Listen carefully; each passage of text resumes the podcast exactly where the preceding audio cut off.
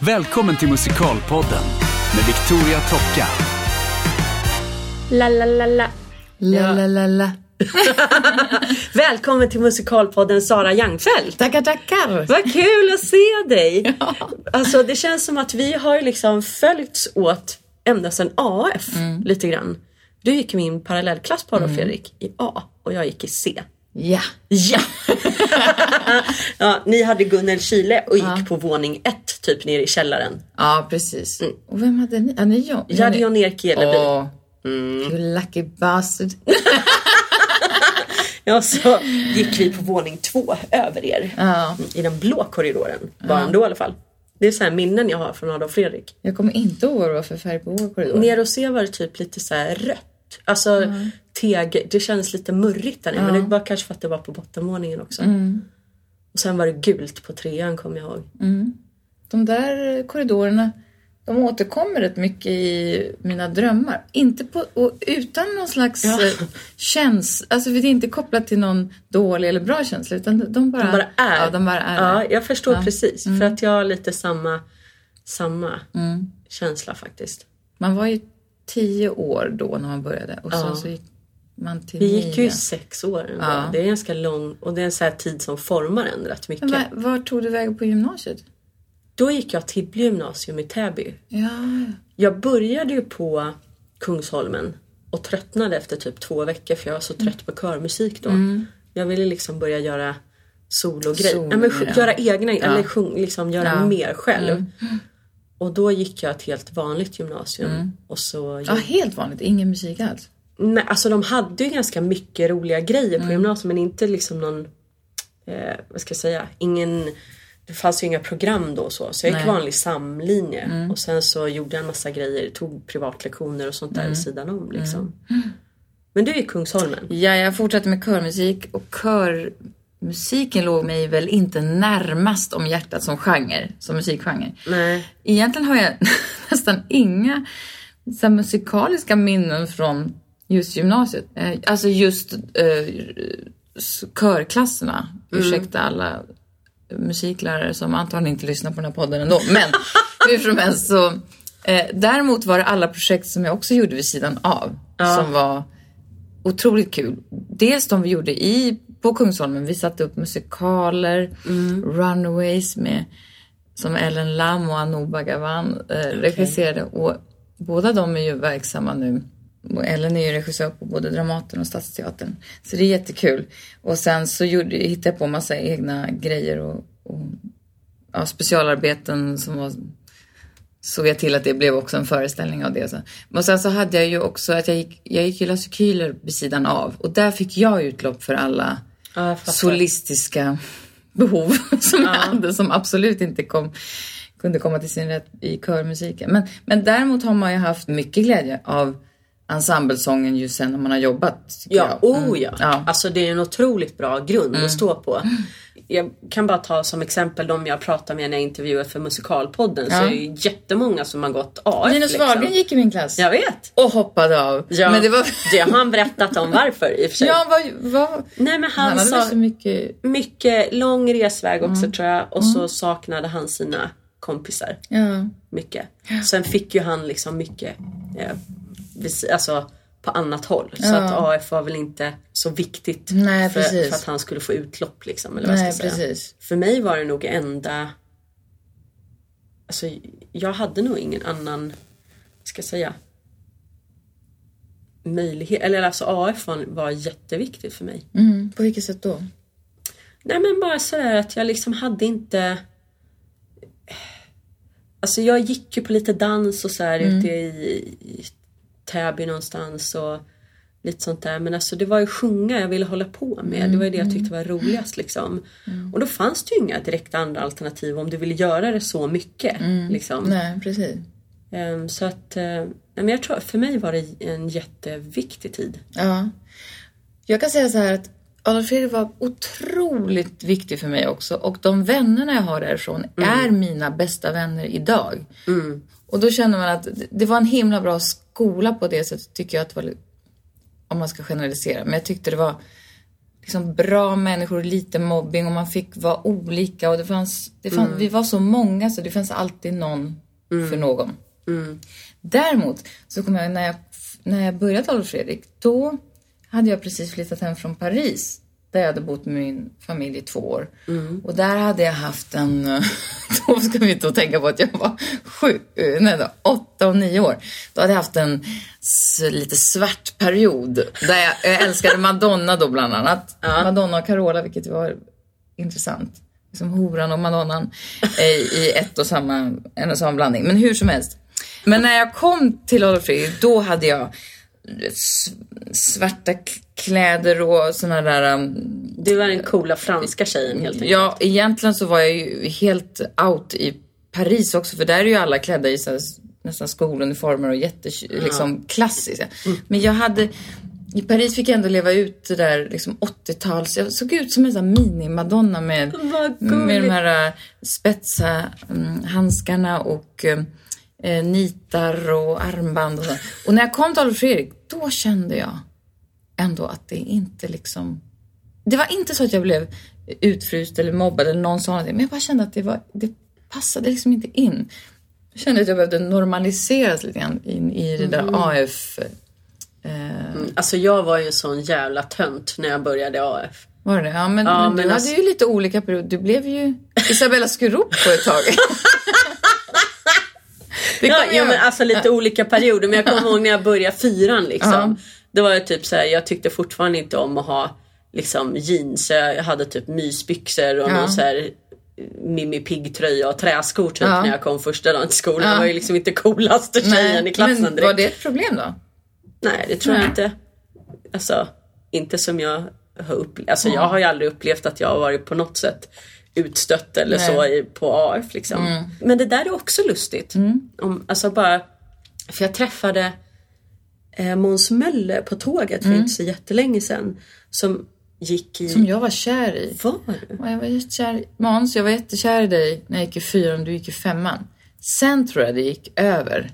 Sen gick det över. Men, men det kan han få veta. Ja, det tycker jag. Vi klipper inte bort det. Nej, det klipper vi in. Fler. Vi kan ha det som återkommande. vi, vi repeterar det Ja. under hela podden. Ja. Nej men i alla fall så träffade jag Måns på tåget. Ehm, och jag bara såhär, men du kommer ändå inte ihåg mig för jag var typ töntiga tjejen i min klass. Liksom. Han bara, nej men du var ju typ supercool. Jag bara, vänta här nu. nej, det tror jag inte att jag var. Så att det är bara så intressant hur liksom folk kan ha uppfattat den. Eller så här, de kommer ihåg. Jag hade ju någon sån här, ja men typ i nian när jag blekte hela håret. Och Ja. typ, ja. Men det var väl Ville försöka vara lite coolare Ja, liksom. Men jag har ju aldrig varit speciellt cool. Någonsin. Men det var ett försök någonstans.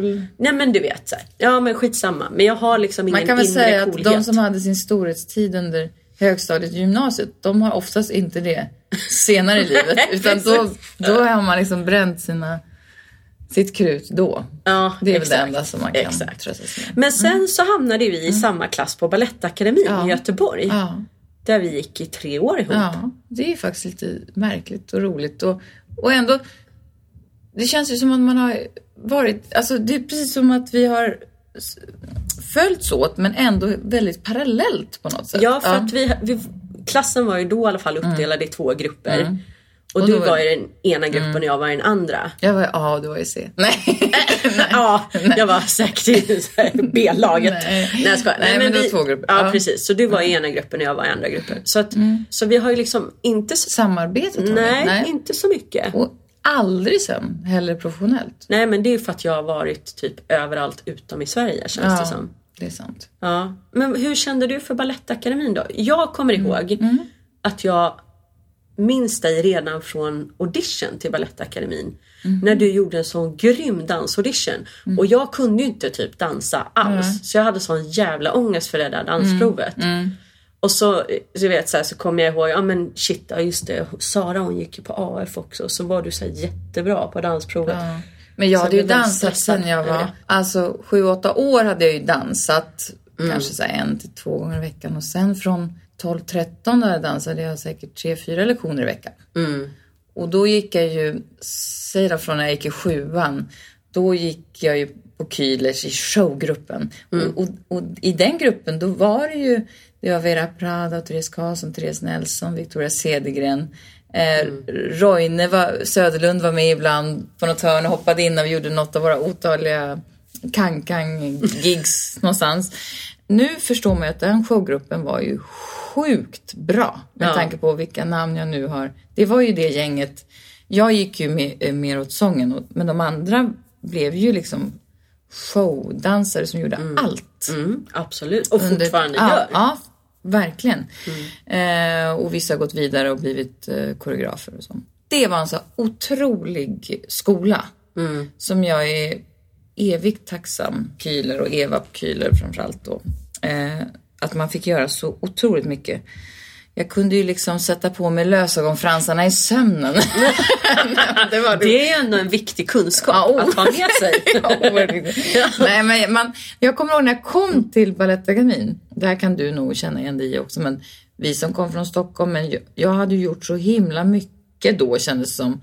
Att man var ju som en sån här gammal scenräv jämfört med vissa som hade deras största merit för att de hade sjungit på skolavslutningen i deras men by uppe i. Norrland. Så det var ju väldigt stort spektra på. Sen hade det ingenting att göra med talangen ehm, och vad som blev sen. Men för några blev det nog en chock Ja, att tror komma till verkligheten. För Vissa hade läst om sig själva i den här lokaltidningen och sen så kom man till Göteborg och då var det en klass på 25-30 eller? Ja. Där alla var liksom bra och eh, ingen jävel brydde sig om vad vi gjorde där. Alltså Nej. det var ju liksom bara att jobba, jobba, jobba, jobba, jobba. Ja, Eh, absolut. Men dansen var absolut mitt starkaste kort då. Liksom. Mm. Sen, sen känner jag hur jag successivt har liksom... Jag har alltid haft med mig dansen men på senare år har jag ju mer lagt krut på att utveckla sången men framförallt skådespeleriet. Så det har liksom Mm. blivit den utvecklingen, vilket inte är, är kanske inte helt onaturligt. Nej. Ehm, Nej, för jag tänkte precis fråga dig, för du är ju, tycker jag, en utav de absolut starkaste musikalartisterna vi har i Sverige. I alla fall i våran generation, som verkligen behärskar alla tre grejerna. Sådär riktigt, riktigt bra. Alltså det finns Nu blir jag så tyst och lite rörd. lite bli... Nej men på riktigt, alltså Ja, jag jag måste säga det att alltså, jag har verkligen sett upp till dig ända sedan Balettakademin. För att du är otroligt stark på alla tre grejerna. Eh, och sen tror jag säkert att det är som du säger att med åldern och lite sådär så är det klart att kanske dansen trappas ner lite. Men hur har du, tycker du då, utvecklat skådespeleriet? Har du tagit några, eller liksom har det kommit naturligt med jobb? Det där är en jätteintressant fråga. Eh, och det är inte första gången jag fått den. Och det, är inte heller så att jag inte ställer, mig, ställer den frågan till mig själv. Men ehm, jag kände någonstans där innan 30, ehm, eller runt 30, och det var säkert i samband med att jag blev gravid med mitt första barn, att ehm, jag kände ändå, då säger jag inte att jag hade gjort allting och bla bla, men, men jag kände att jag hade kommit till en punkt där jag, jag hade fått ändå möjlighet att göra väldigt många bra musikaler. Jag hade fått göra West Side of Course Line, Stoppa världen, Kiss Me Kate, Rocky Horror Show. Det var och många bra liksom ändå musikalroller där.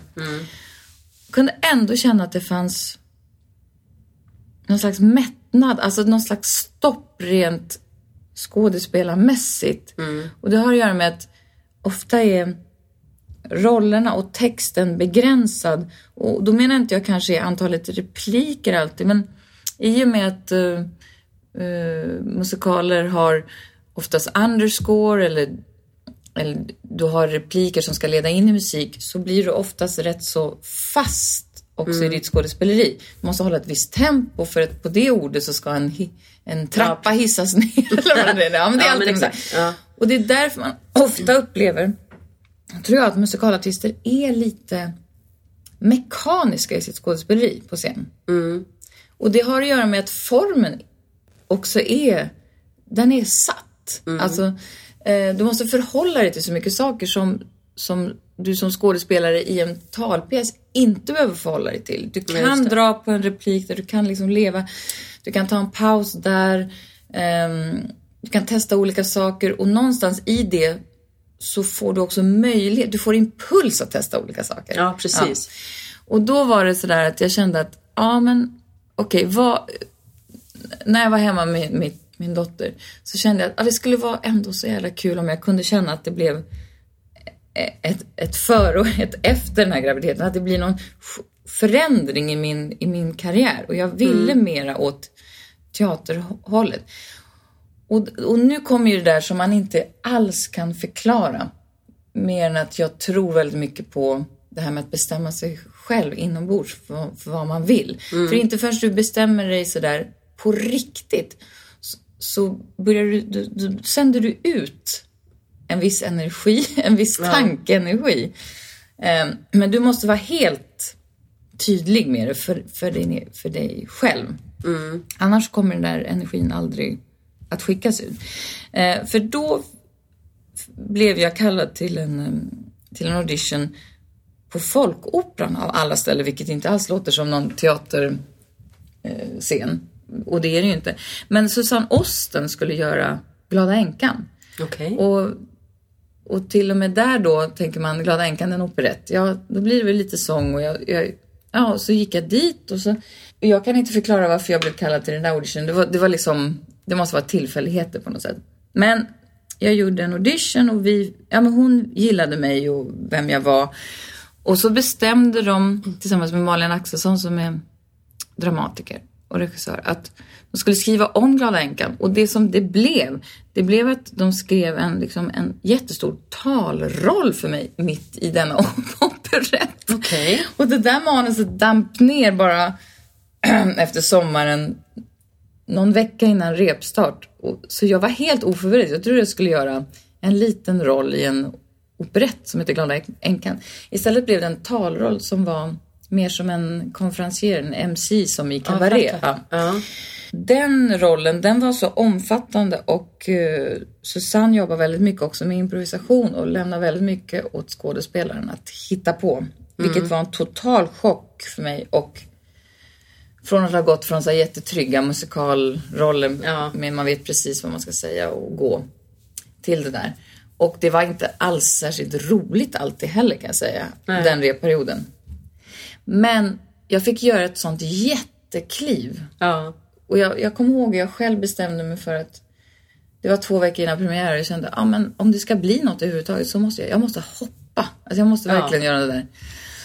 Och det gjorde jag. ehm, och den där föreställningen var ju väldigt eh, omskriven och folk tyckte både bu och bä om det där. Men jag gjorde ett jättekliv tycker jag som skådespelerska i det där och fick också cred för det. Ehm, och eh, det var som att jag fick, jag fick se en, en ny dimension av mig själv.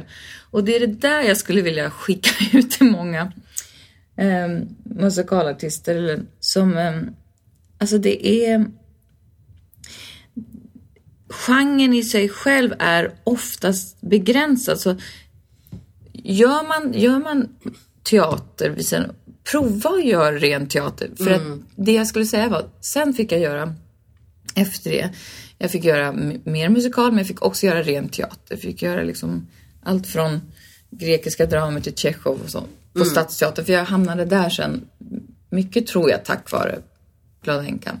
Eh, men jag kunde på något sätt ta med mig det som jag gjorde med Tjechov och, och det som jag gjorde med de grekiska dramerna in i Hair sen. Alltså förstår du vad jag menar? Ja, ja, ja, Plötsligt så har man absolut. liksom blandat runt påsen. Mm. Och jag känner att jag är mycket bättre musikalartist nu. För jag har liksom lärt...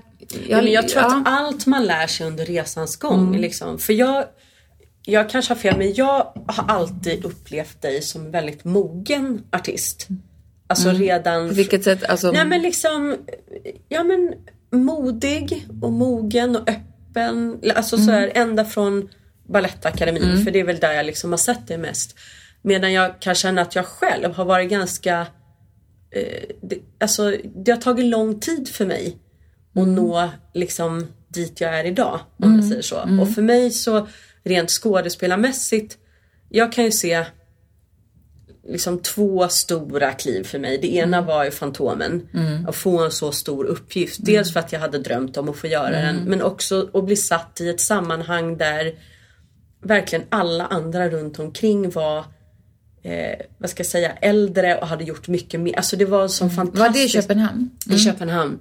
Nej, men det var så fantastiskt att få kliva in i en så stor uppgift för att hon bär ju liksom hela föreställningen.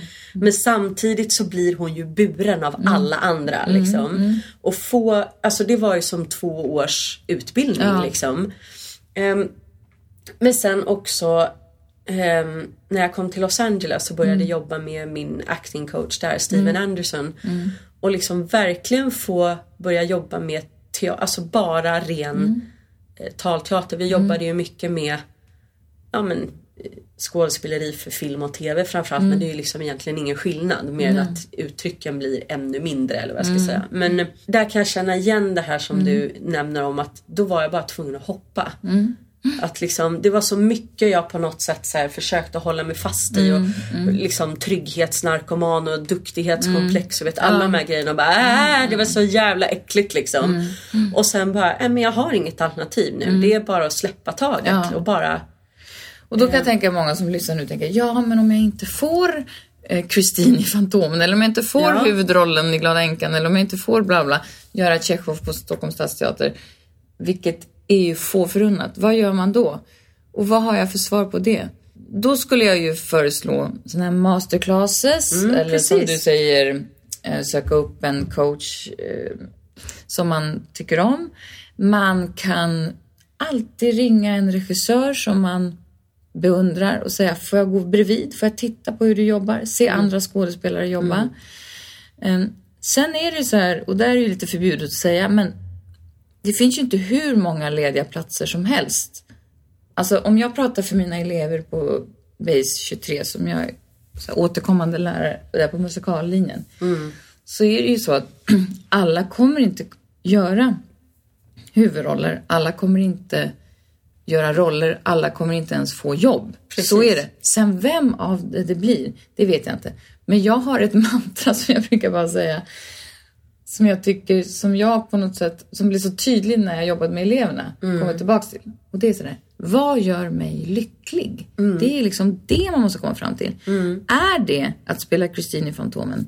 Okej, Satsa på det. Jag vet inte, hur kände du då? För du hade ju drömt om det så länge. ja. Kände du att det också gav dig den där lyckan? Ja. Det Men det är, verkligen det. det är fantastiskt. För jag kan också tänka mig att många drömmer om någonting, så kommer de dit och det kan bli en tomhet i att det inte Mm. Ja. är så fantastiskt. Ja, det tror jag att det kan. Mm. För mig så kom tomheten efter att det var färdigt.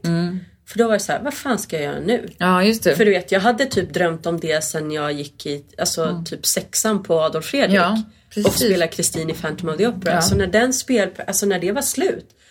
Då var det så här, jag visste inte vad jag skulle göra med Nej, mig själv. För att nej. jag, jag hade ingen annan drömroll. Jag hade ingen annan grej jag verkligen ville göra. Alltså det Mm. här brinnet, inre brinnet försvann lite.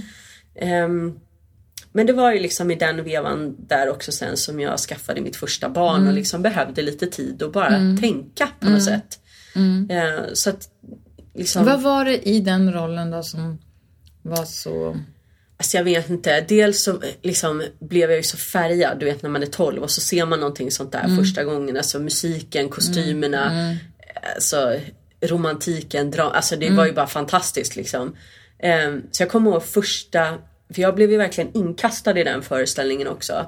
Jag hade ju egentligen ett, ett normalt kontrakt där jag skulle ha fem veckors repperiod för det var ju på danska också. Ja, Ehm, Men så kom jag dit och ehm, då blev jag uppkallad till Nils Bo Ja. på kontoret. som är han också typ- min första teater. som han inte förstår vad han säger. Nej, nej. För även som dansk så är han otydlig. Ja. Men eh, där han försökte då eh, förklara för mig att eh, Susanne Elmark som jag skulle ta över efter Mm. var tvungen att sluta mycket tidigare än planerat. Så kan du ha premiär om tio dagar. Åh, Eh, Victoria 25 år som har drömt om det här hela sitt liv så här, självklart kan jag det. Eh, så att jag levde ju liksom på den där teatern. Så min första repdag, min allra första repetition fick jag åka båt. Åka båten. Och det är den här klassiska, ja. ikoniska scenen som man har drömt om typ hela sitt mm. liv. Och få komma in i båten från fel håll tänkte jag, men du vet ja. från scenhåll. Ja. Alltså jag började storgrina liksom. Ja. Det var så overload ja. känslor liksom. Men nej men så det, det var helt fantastiskt. Mm. Men som sagt den här, det kom efteråt istället. Mm. Att jag liksom, så det tog ett tag för mig sen. Och... Men ändrade du då ditt sätt att se på, för jag tror den stora skillnaden mellan oss, mm. eh, det finns säkert många skillnader, men, men det, jag har ju aldrig varit fokuserad på att göra en viss roll eller en viss Nej. föreställning. Jag har mer tänkt att, jag vet inte. Jag har ju absolut haft, alltså kabaré var ju, om du ska välja någonting, så kabaré ja. Då var jag sju år när jag såg filmen med Liza Minnelli, Bob Fosses film och blev helt hooked. Ja. Eh, så den har funnits med som någon slags, men det är inte så att jag har gått på alla cabaret auditions som finns och liksom, det är inte så att det har varit ett mission så direkt. Eh, den, kom ju, den rollen kom ju rätt sent i min karriär. Alltså, den mm. gjorde jag ju 2014 nere i Malmö. Mm. Men det, och då var det laddat att göra den måste jag säga. Mm. För då kände jag att jag kunde liksom varenda replik utan till. Eh, inte för att jag har suttit och nördat, men det, den, den, det var min första liksom, musikalupplevelse. Den var mm. så stark. Och det var inte helt enkelt tycker jag att gå in i någonting som man så emotionellt är bunden till. Nej. För alla mina andra, nästan allting jag har gjort har varit som en liten överraskning för mig. Ja. Så här, jaha, får jag göra det här? Men gud. Jaha, får jag göra Sheila är här? Men gud, jag kan inte sjunga. Jaha, okej. Okay. så, så man, ja, nej men gud, jag ska göra Kiss Me Kate. Oh, ska jag göra, alltså, får jag liksom göra väldigt så här, olika saker. Även fast det är musikal så får jag mm. ofta göra Eh, tack och lov. Men det är jätteroligt. Liksom. Ibland mer åt det klassiska hållet, ibland mer åt det rockiga hållet. Eh, och ibland känner jag mig helt förvirrad då vem jag, vem jag är. Men vid premiär vet jag vem jag är. Men när jag startar ja, jag kan det vara väldigt så här, oj, ja. man måste ställa om instrumentet sådär. Eh, men, men då är min fråga till dig, hur skapade du en ny då drömroll? Eller var det, vad hände i, nej, inom för, dig? Nej, men för mig så var det ju så att då började jag för första gången att liksom skriva egen musik. Mm. Och spelade in min första skiva mm. och liksom mm. började Alltså jag har ju också alltid tyckt att det är väldigt, väldigt roligt att skapa saker. Mm. Alltså haft mm. någon slags så inneboende entreprenör. Liksom. Verkligen. Tycker om att mm. producera, jag tycker om att göra saker. Och, eh, även om jag älskar att stå på scen och jag tycker det är jätteroligt att göra det. Eh, om jag har en bra uppgift som jag gillar och trivs med. Mm. Så kan jag tycka att det är lika kul att producera någonting um, där jag ger andra chansen. Alltså förstår du? Och se andra göra bra grejer. Alltså det mm. måste inte handla om mig i fokus hela tiden. Mm. Jag gör väldigt gärna det om det är rätt grej. Mm. Men jag måste liksom inte stå på scen till vilket pris som helst Nej. hela tiden eller så. Utan jag, um, så att, nej men, så, så, då började jag skriva min egen musik mm. och jag har ju nu släppt fyra skivor tror jag. Och, mm. nej men liksom gjort mycket andra saker ja. också. Men så jag kan väl säga att för mig så har egentligen lusten till musikal verkligen mm. kommit tillbaks kanske senaste fyra, fem åren sedan jag mm. verkligen började jobba med mm. skådespeleriet på mm. allvar. Um, för ett tag så tyckte jag att det var väldigt kul att bara jobba med alltså talteater och ren skådespeleri mm. och grottade ner mig i det där verkligen mm. och liksom det var, när du väl har hoppat då mm. är ju adrenalinkicken igång mm. liksom. Då vill du ha den där ja, kicken precis. igen och igen och igen och mm. det är lika läskigt varje gång om mm. du gör det ordentligt varje gång. Men eh, ja, sen så har det liksom sakta men säkert kommit tillbaks verkligen till musikal. Och jag tror mm. att det också har att göra med att musikal som genre mm. börjar få ett lyft igen. Mm. För att jag tror att liksom mycket av min den här vad ska jag säga, dippen och ointresset för musikal sammanföll med att musikaler blev mer den här jukebox-grejen mm, som jag mm. inte alls gillade. Mm. Utan liksom... Ja men nu finns det ja. på något sätt det finns ett intresse för att också söka upp nya saker. Publiken är ju mer allmänbildad inom genren. Mm. För, för i början på 80-talet när det liksom på Kinateatern gick, alltså Cats och Mm. Phantom och allt det där. Det var ju, då var det ju det som var och det var Mm. West Side och det var fantastiskt. Men inte kunde någon någonting annat om någon, alltså man Nej, visste nej, ingenting. precis. Nu är publiken, nu reser ju, reser ju människor på ett annat sätt och man, man går till Broadway och så ser man, ställer man sig där vid den här Ja. ticketboothen och liksom väljer lite grann nästan På måfå, på det som måfå, finns det som och finns sådär. kvar. Ja. och det finns ett intresse. Ehm, och eh, ja, jag vet inte. Min förhoppning är ju att det också ska skrivas nytt material. Ja, och Ja. Mm. apropå det så har ju du faktiskt själv varit extremt också kreativ och skrivit mycket Ja. och gjort mycket. Mycket, ja, men man får ändå säga två musikaler är ändå mycket för vara det i är det Sverige. fan. Ja, det är det. Ja, jag har då varit med och skrivit musik till eh, två musikaler. Den ena heter Grymt och den andra heter Carmencita Rockefeller. Och den, Grymt eh, är med manus och regi av Rickard Bergqvist. Skrev jag musiken tillsammans med min man Mattias Wenge. Och Carmencita Rockefeller som också är Rickard Bergqvists text och regi skriver musiken jag och min man tillsammans med Martin Östergren. Mm. Och den har gått då på Göteborgsoperan på turné, eh, eller båda har gått på Göteborgsoperan på turné och Malmö Opera och även Scalateatern Ja. i våras. Men det, det, det var jättekul och då förstod man också hur jäkla svårt det är att skriva musikdramatik. Ja. Eh, Det är skitsvårt. Ehm, Men också urkul. Och det var någonting i Rickards text som var också så utflippat så man fick så mycket man fick så mycket idéer och liksom olika, det var som, ja, både melodier och genrer som dök upp. Det var liksom, det var liksom lätt att skriva musik tycker jag. Men jag menar det är svårt att, att sen få ihop den här smeten till en god kaka. Nej, men, men jag förstår nej, men det är menar. liksom en Ja. svår genre. Och jag tycker fortfarande att när folk frågar mig om jag gillar musikal så säger jag jag älskar att göra musikal. Mm. Tycker det är rätt plågsamt att titta på musikal. Måste jag säga. Och det, jag tror att det gör mig till en rätt bra musikalartist. För jag har en, en liten distans. Alltså, Ja. Om jag får gå och välja.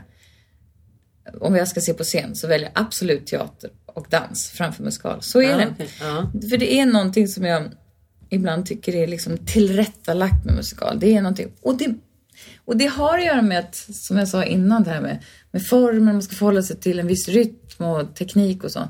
Men när det är bra, då är det ju oslagbart. Ja. Alltså musikal. Det är ju liksom det. Ja. Men då ska du ju komma dit också. Ja, man ska komma dit. Det- Och det, det är inte alltid. Men det som jag verkligen eh, söker efter och längtar efter både som artist och publik, det är ju att se en svensk historia på, på scen i musikalscen. Och det, det, vi gjorde ju det. Carmencita Rockefeller bygger på en sann historia om en kvinna i Malmö. Som är egentligen en hårfrisörska men som utger sig för att vara en Rockefeller och en hjärnkirurg och ja, allt vad hon, alltså hon, japansk prinsessa och allt vad hon var. Och det är en fantastisk historia och en fantastisk historia att göra musikal på. Ja. Och det var också väldigt roligt att spela den för en svensk publik och jag tror många kände också vad roligt att få se en svensk historia på, på scen. Och Grymt var ju också en, en historia som utspelar sig i, i, i Sverige liksom. Och där förstår jag inte riktigt vad det är som är... Vi har sån otrolig fäbless för det amerikanska eller engelska. Ja. Men, och med det sagt så spelar ju faktiskt Billy Elliot nu Ja, så precis. på, på Stadsteatern. Som är ju också en icke-svensk historia. En väldigt, väldigt brittisk historia. Ja.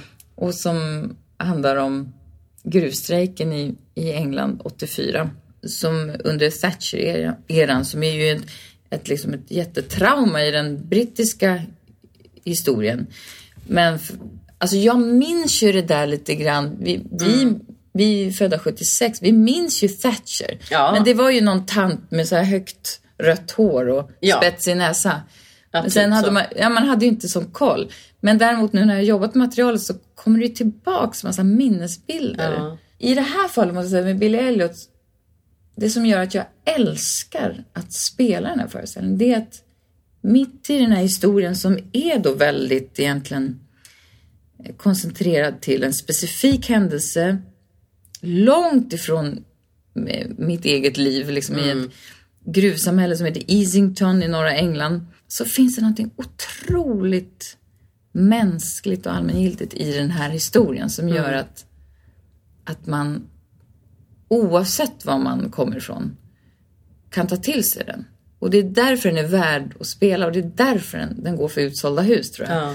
För det är någonting om, den handlar inte så mycket om, om gruvsamhället som det handlar om att människans dröm att, att förverkliga sig och människans längtan efter att få, få vara den man är, eh, far och sonförhållanden.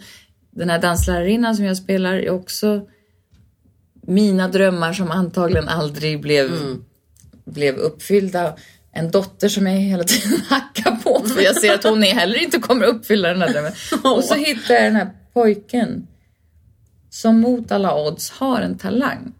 Och jag minns ju själv, det minns ju du också, de här lärarna som såg en. Ja. Som man såg att de, de fick liksom, det var en glöd som tändes i dem också. Ja. Och de var ju superhårda mot en. Just för att Ja. de såg att man Ja, tålde den kritiken och, och den pushen som ja man fick. precis. Och det är lite fint att få spela, som Jakob Eklund sa, som spelar pappan. Det är lite fint när ridån går ner att vi inte har spelat att eh, Mrs Wilkinson blir kär i pappan och så blir alla gifta och alla glada. Det handlar inte om det. Nej. det handlar, om kär, det handlar om kärleken till, till ens inre dröm. Det är Ja. som den kärleken. Ja, Och, och också ett samhälle som ändå försöker hålla ihop och i dessa tider mm. den socialdemokratiska samhället är ju liksom under en hård press och den här solidaritetsfrågan kommer upp igen och jag menar nu när vi hade den här flyktingströmmen, det är ju väldigt mycket där. Är vi tillsammans eller ska vi rädda oss Ja. själva, individen? Det är inga lätta frågor. Det är inga Nej. lätta frågor.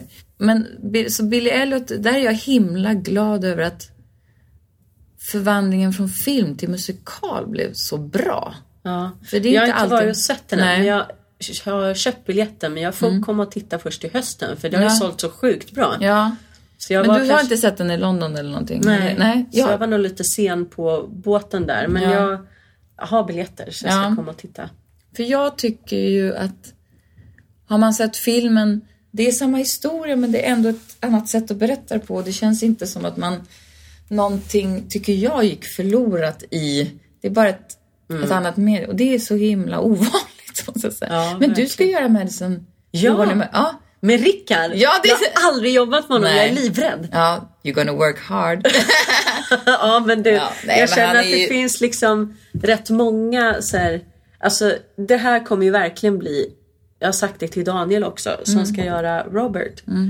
Att vi får ju liksom bara det är som att stå liksom naken på en klippa och bara hålla ja. varann i handen och bara ett, två, tre hoppa liksom. Ja, ja. Det ska bli fruktansvärt läskigt men säkert jätte, jätteroligt Ja. också.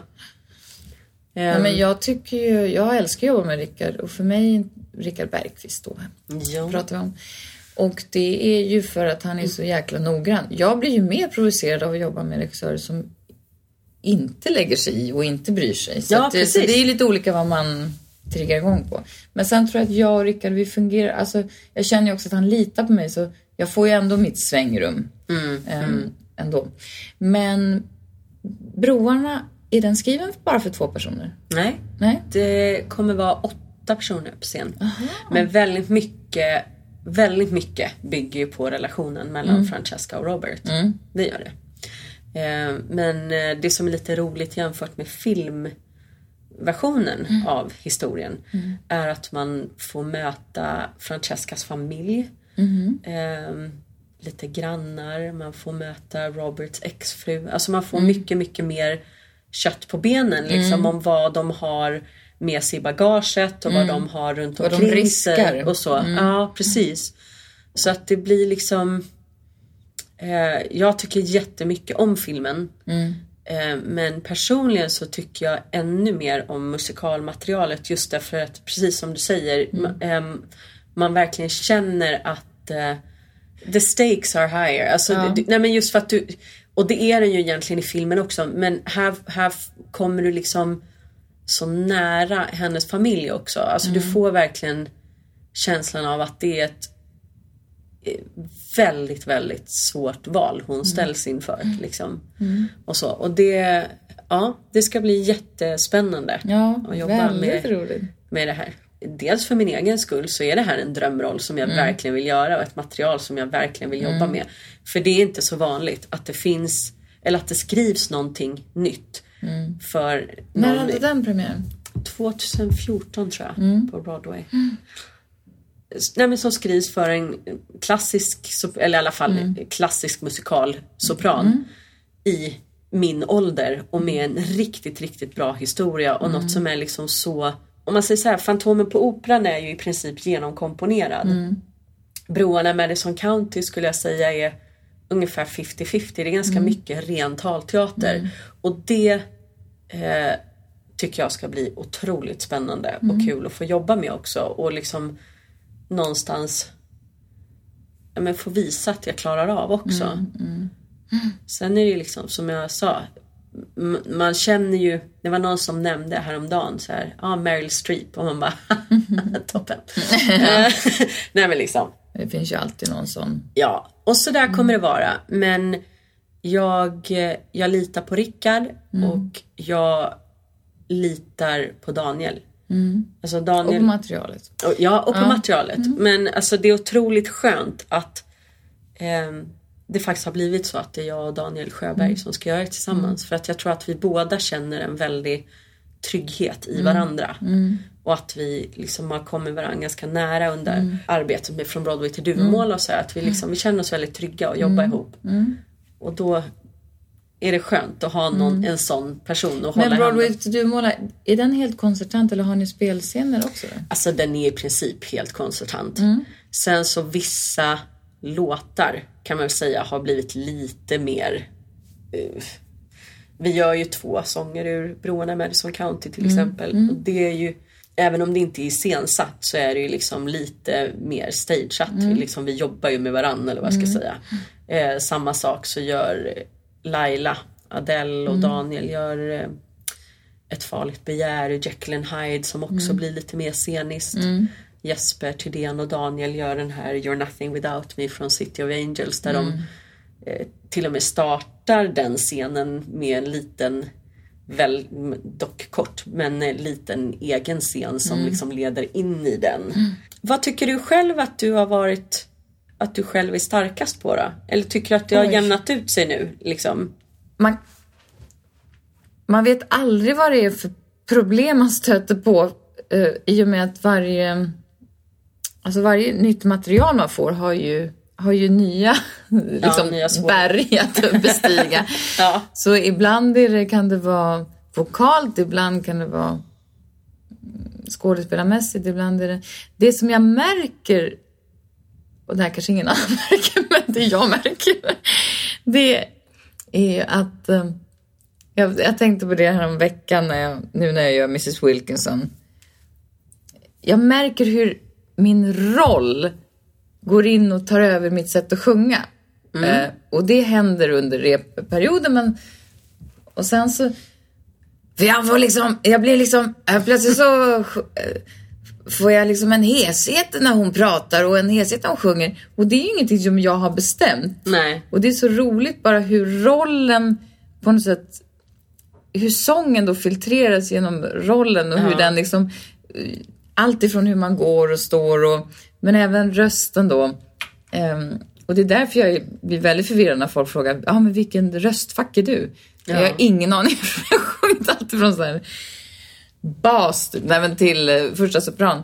Och, och ibland sjunger jag ju väldigt eh, bara med bröströst, ibland bara med huvudklang. Eh, men, men det där måste ju tränas upp också. Så man, jag har ju ofta rätt långa repperioder. Ja. För jag jobbar på institution. Då har man ju 10-11 veckor.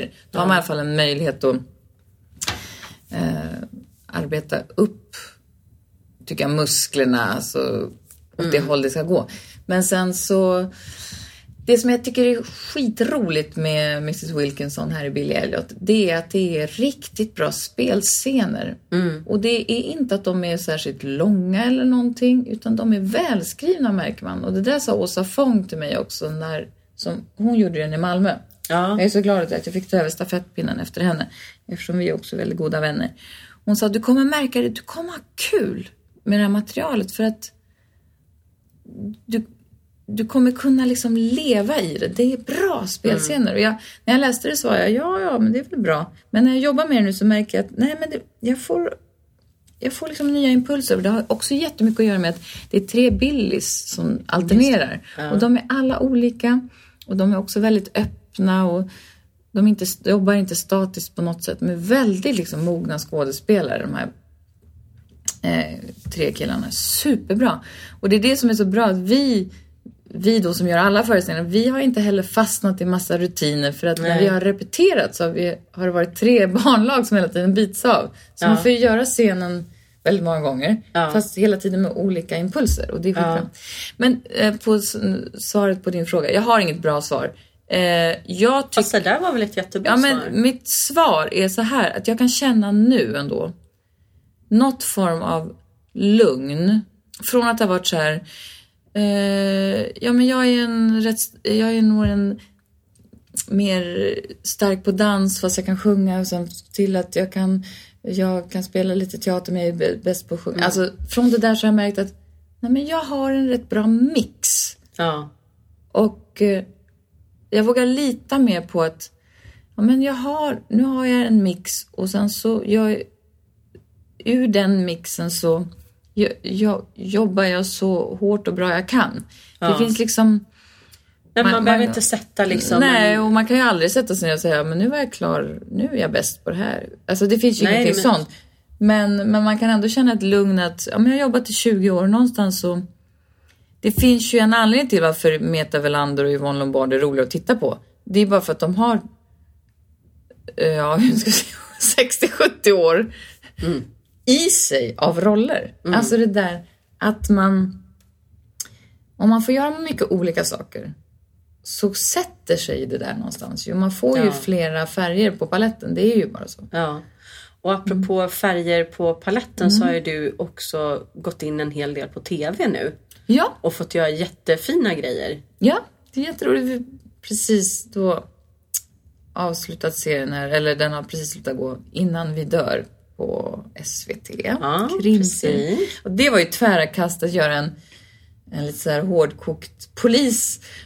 För den filmade jag samtidigt som jag spelade Lola Blau som var en, en soloföreställning på Stadsteatern i sig jätteutlevande kabaréform. så det var, hon var liksom all over the place. Spelade liksom en gammal tant som eh, ja, drömmer sig tillbaka sitt liv under andra världskriget, en judisk kabaréartist, eh, Lola mm. Blau. Så det var, det var ju väldigt stora gester i den till att göra Fausta i, i Innan vi dör som är som en modern ung kvinna som, ja, med rätt fåordig och ja, en helt mm. annan typ. Mm. Um, jättekul och jättelärorikt och jättespännande. Ja. Men du har gjort en del tv innan dess också, eller hur? Ja, men jag har gjort Eh, inte jättemycket, men jag har gjort även eh, Maria Lang, en serie som gick eh, på fyran. Eh, där jag spelade mot Linus Wahlgren bland annat. Och Ola ja. Rapace och Tuva Novotny. Också en sån här liten Agatha Christie light. eh, utspelar sig på 50-talet. Och även 100 Code som vi gjorde nu en också en krimserie på femman. Nej men... Eh, men vad tycker du är den största skillnaden då på att mm. eh, spela teater på scen mm. eh, och att agera framför kameran?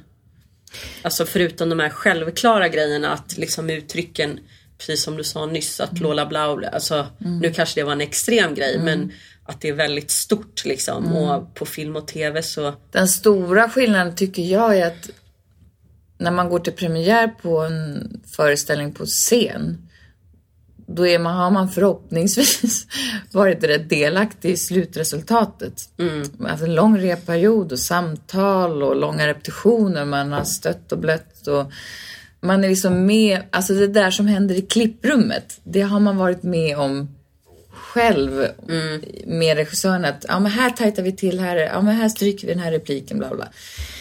Jag upplever det som det lilla jag filmat att man är väldigt mycket mer i händerna på regissören och foto, filmfotografen och sen självklart det som händer i klipprummet kan det ju också vara så en hel scen som klipps bort. Alltså man, Mm. Det kan ju vara eh, sådana saker. Det är ju också mycket mer tekniskt på alla sätt och vis i film.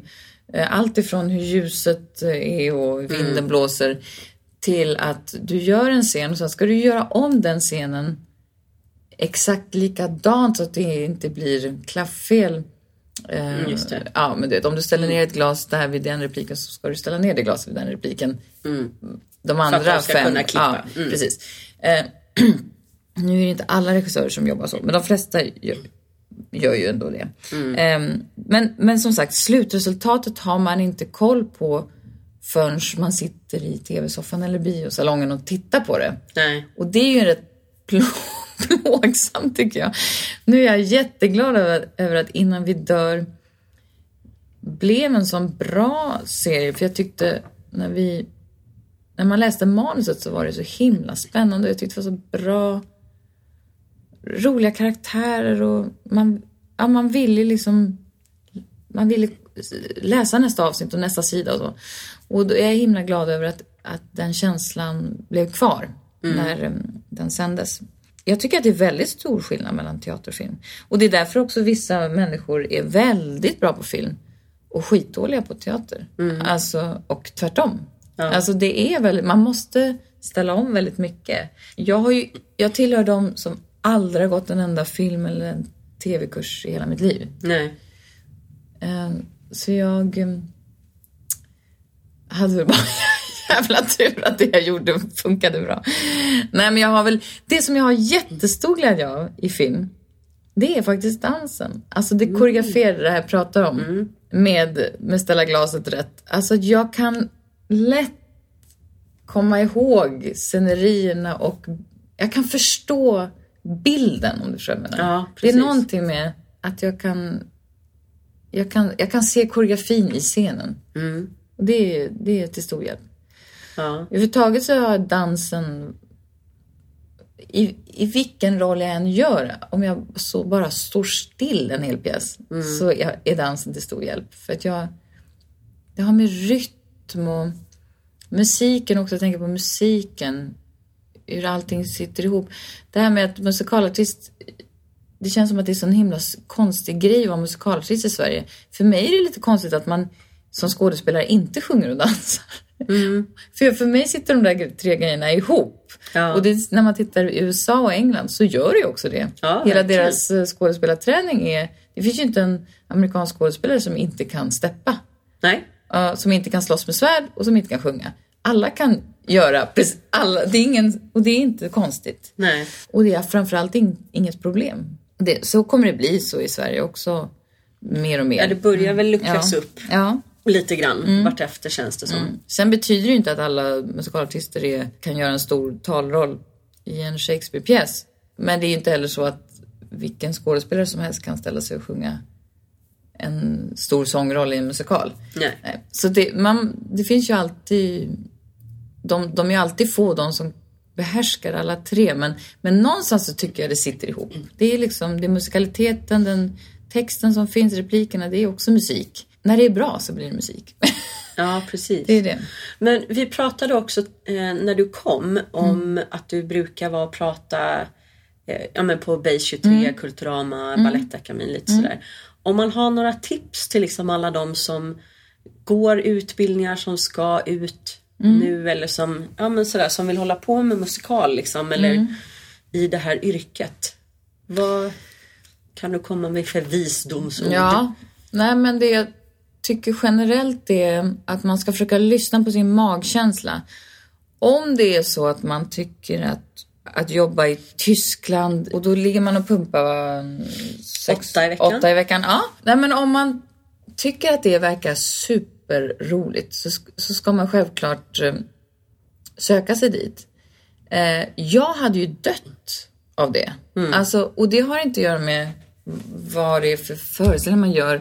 Men jag hade, jag hade inte mått bra av att sitta ensam i någon tysk stad och spela åtta föreställningar i veckan. Eh, för jag har jättebehov av att eh, så här, bör landa min påse rätt så mycket. Alltså hade det, jag behöver inspiration, alltså jag behöver mm. andra saker som gör att jag kan bli en bra artist på scen. Jag, behöver, så jag tycker inte om att spela, jag vill spela helst fyra i veckan tycker jag är jättebra. För då mm. hinner jag ta mina promenader, hinner läsa, hinner gå på museum, jag hinner träffa min familj och då kommer jag med kraft och energi till teatern mm. och känner att jag kan återuppfinna hjulet. Nej, men sen säger jag också till mina elever att eh, känner man att man fastnar i att man inte får de där rollerna men man vill ändå vara i branschen kan man tänka sig då som, som du pratade om, du vet, man kanske kan vara med och producera, man kanske uh, ljusdesigner, man kanske vill, alltså det kanske finns någonting runt teatern mm. som kan vara intressant som gör att man med all kärlek och med den kunskap man har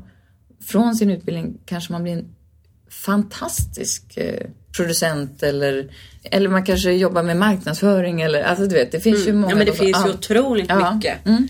Eller, eh, eller som man, sitt på ICA och uh, få in pengarna till hyran och sätta upp dina egna uppsättningar. Så kan man också göra. Mm. Alltså man, det är återigen där, vad gör dig lycklig? Mm. Eh, och det där är mm. också en spännande fråga som har kommit upp några gånger. Vad är framgång? Mm. Hur definierar ja, folk framgång? Mm. För det där tycker jag kan vara det är så otroligt individuellt. Mm. Eh, och antingen så kan man ju se som att ja, men jag blev jättekänd. Mm. Kanske vissa tycker det. Mm. Framgång. Eller jag har bara spelat jättestora roller. Mm. Eller eh, att jag har jobbat konstant. Alltså mm. och försörjer mig på detta. Att det, och, och liksom vad som är viktigt mm. någonstans. Och det där tror jag också är en mognadsfråga mm. som man måste komma fram till längs resans gång mm, så att mm, säga. Mm. Eh, och det är en sån där sak som också för mig tror jag tog ganska lång tid att komma mm. fram till. Därför att Dels för att jag var extremt fokuserad på Phantom of the Opera just. och eh, ja men och, och var nog rätt manisk med mm. att jag verkligen ville göra det. Mm. Och jag kan ju se hela min resa fram till Phantom att jag gjorde väldigt specifika val och så på vägen just mm. för att det var det jag ville göra mm. liksom. Eh, och jag kommer ihåg, jag vet inte om du minns det men jag kommer ihåg typ första veckan på Balettakademin mm. så satt vi i någon så här stor ring, alla skulle lära känna varandra. Mm. Eh, och så frågade någon utav, jag tror det var någon av teaterlärarna eller jag minns inte men så här, vad vi hade för förhoppningar eh, både ja. på, på utbildningen mm. och på livet och framtiden mm. som artist och sådär. Mm. Och så var det någon eh, som sa något sådär jättemoget om att ja, men jag vill bara jobba och eh, liksom målet är typ att inte bli bitter mm. över den här branschen och sådär. Mm. Och jag kommer ihåg att jag satt där och tänkte att what? liksom. För, för mig var det liksom bara så här, men jag ska spela stora roller och ja. göra roliga spännande saker. Mm. Annars kan jag skita i det här. Ja. Och jag tror att jag då också sa att mitt mål var just att spela huvudrollen i Phantom of the Opera. Att mm. det var liksom rätt många då som nästan så här chippa efter annan för att man vågade yppa den mm, mm. innersta mm. tanken någonstans. Jag undrar vad jag sa. Jag kommer faktiskt inte ihåg. Det är säkert något väldigt moget ja, i alla fall. säkert supermoget. Ja. Nej men alltså och, och där det är väl lite sånt som jag kanske har lärt mig mer då i USA. Mm. Där de är lite mer sådär på. Man får liksom säga på ett annat sätt. Mm. Men för mig har det varit väldigt viktigt att någonstans manifestera i mig själv mm. vad det är jag verkligen vill. Mm.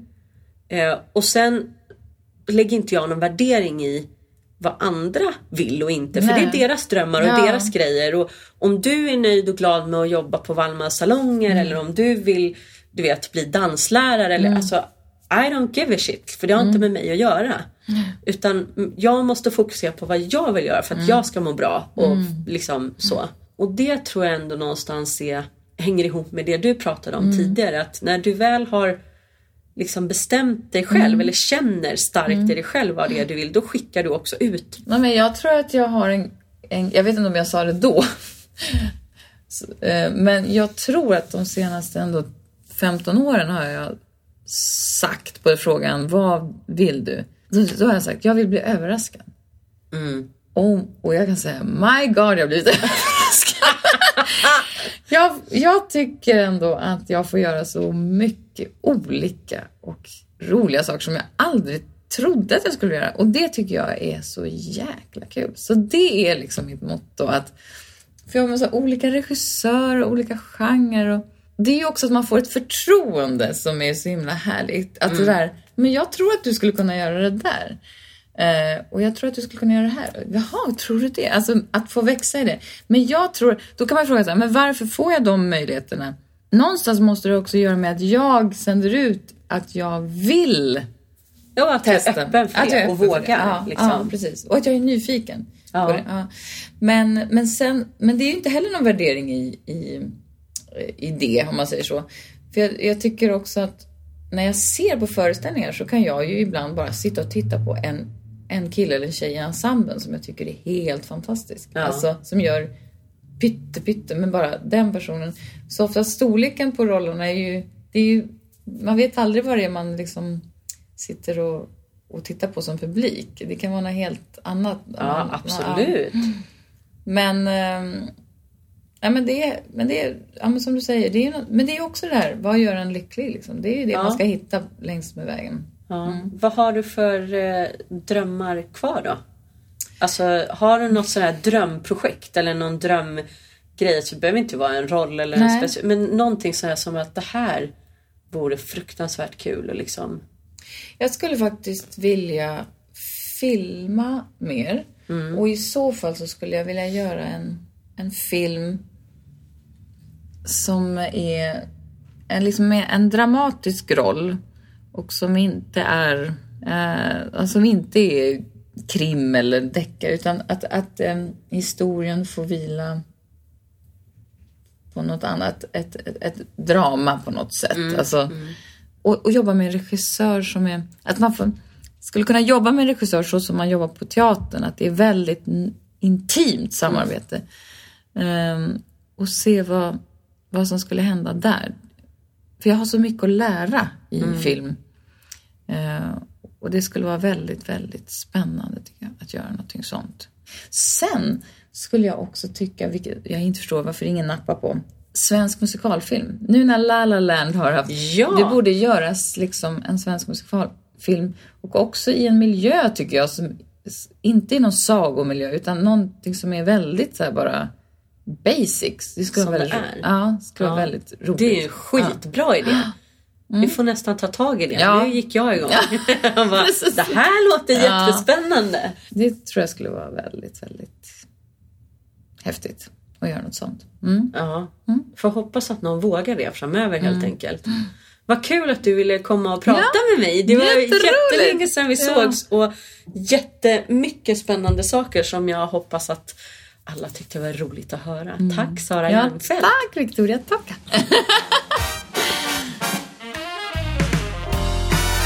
Musikalpodden med Victoria Tocka.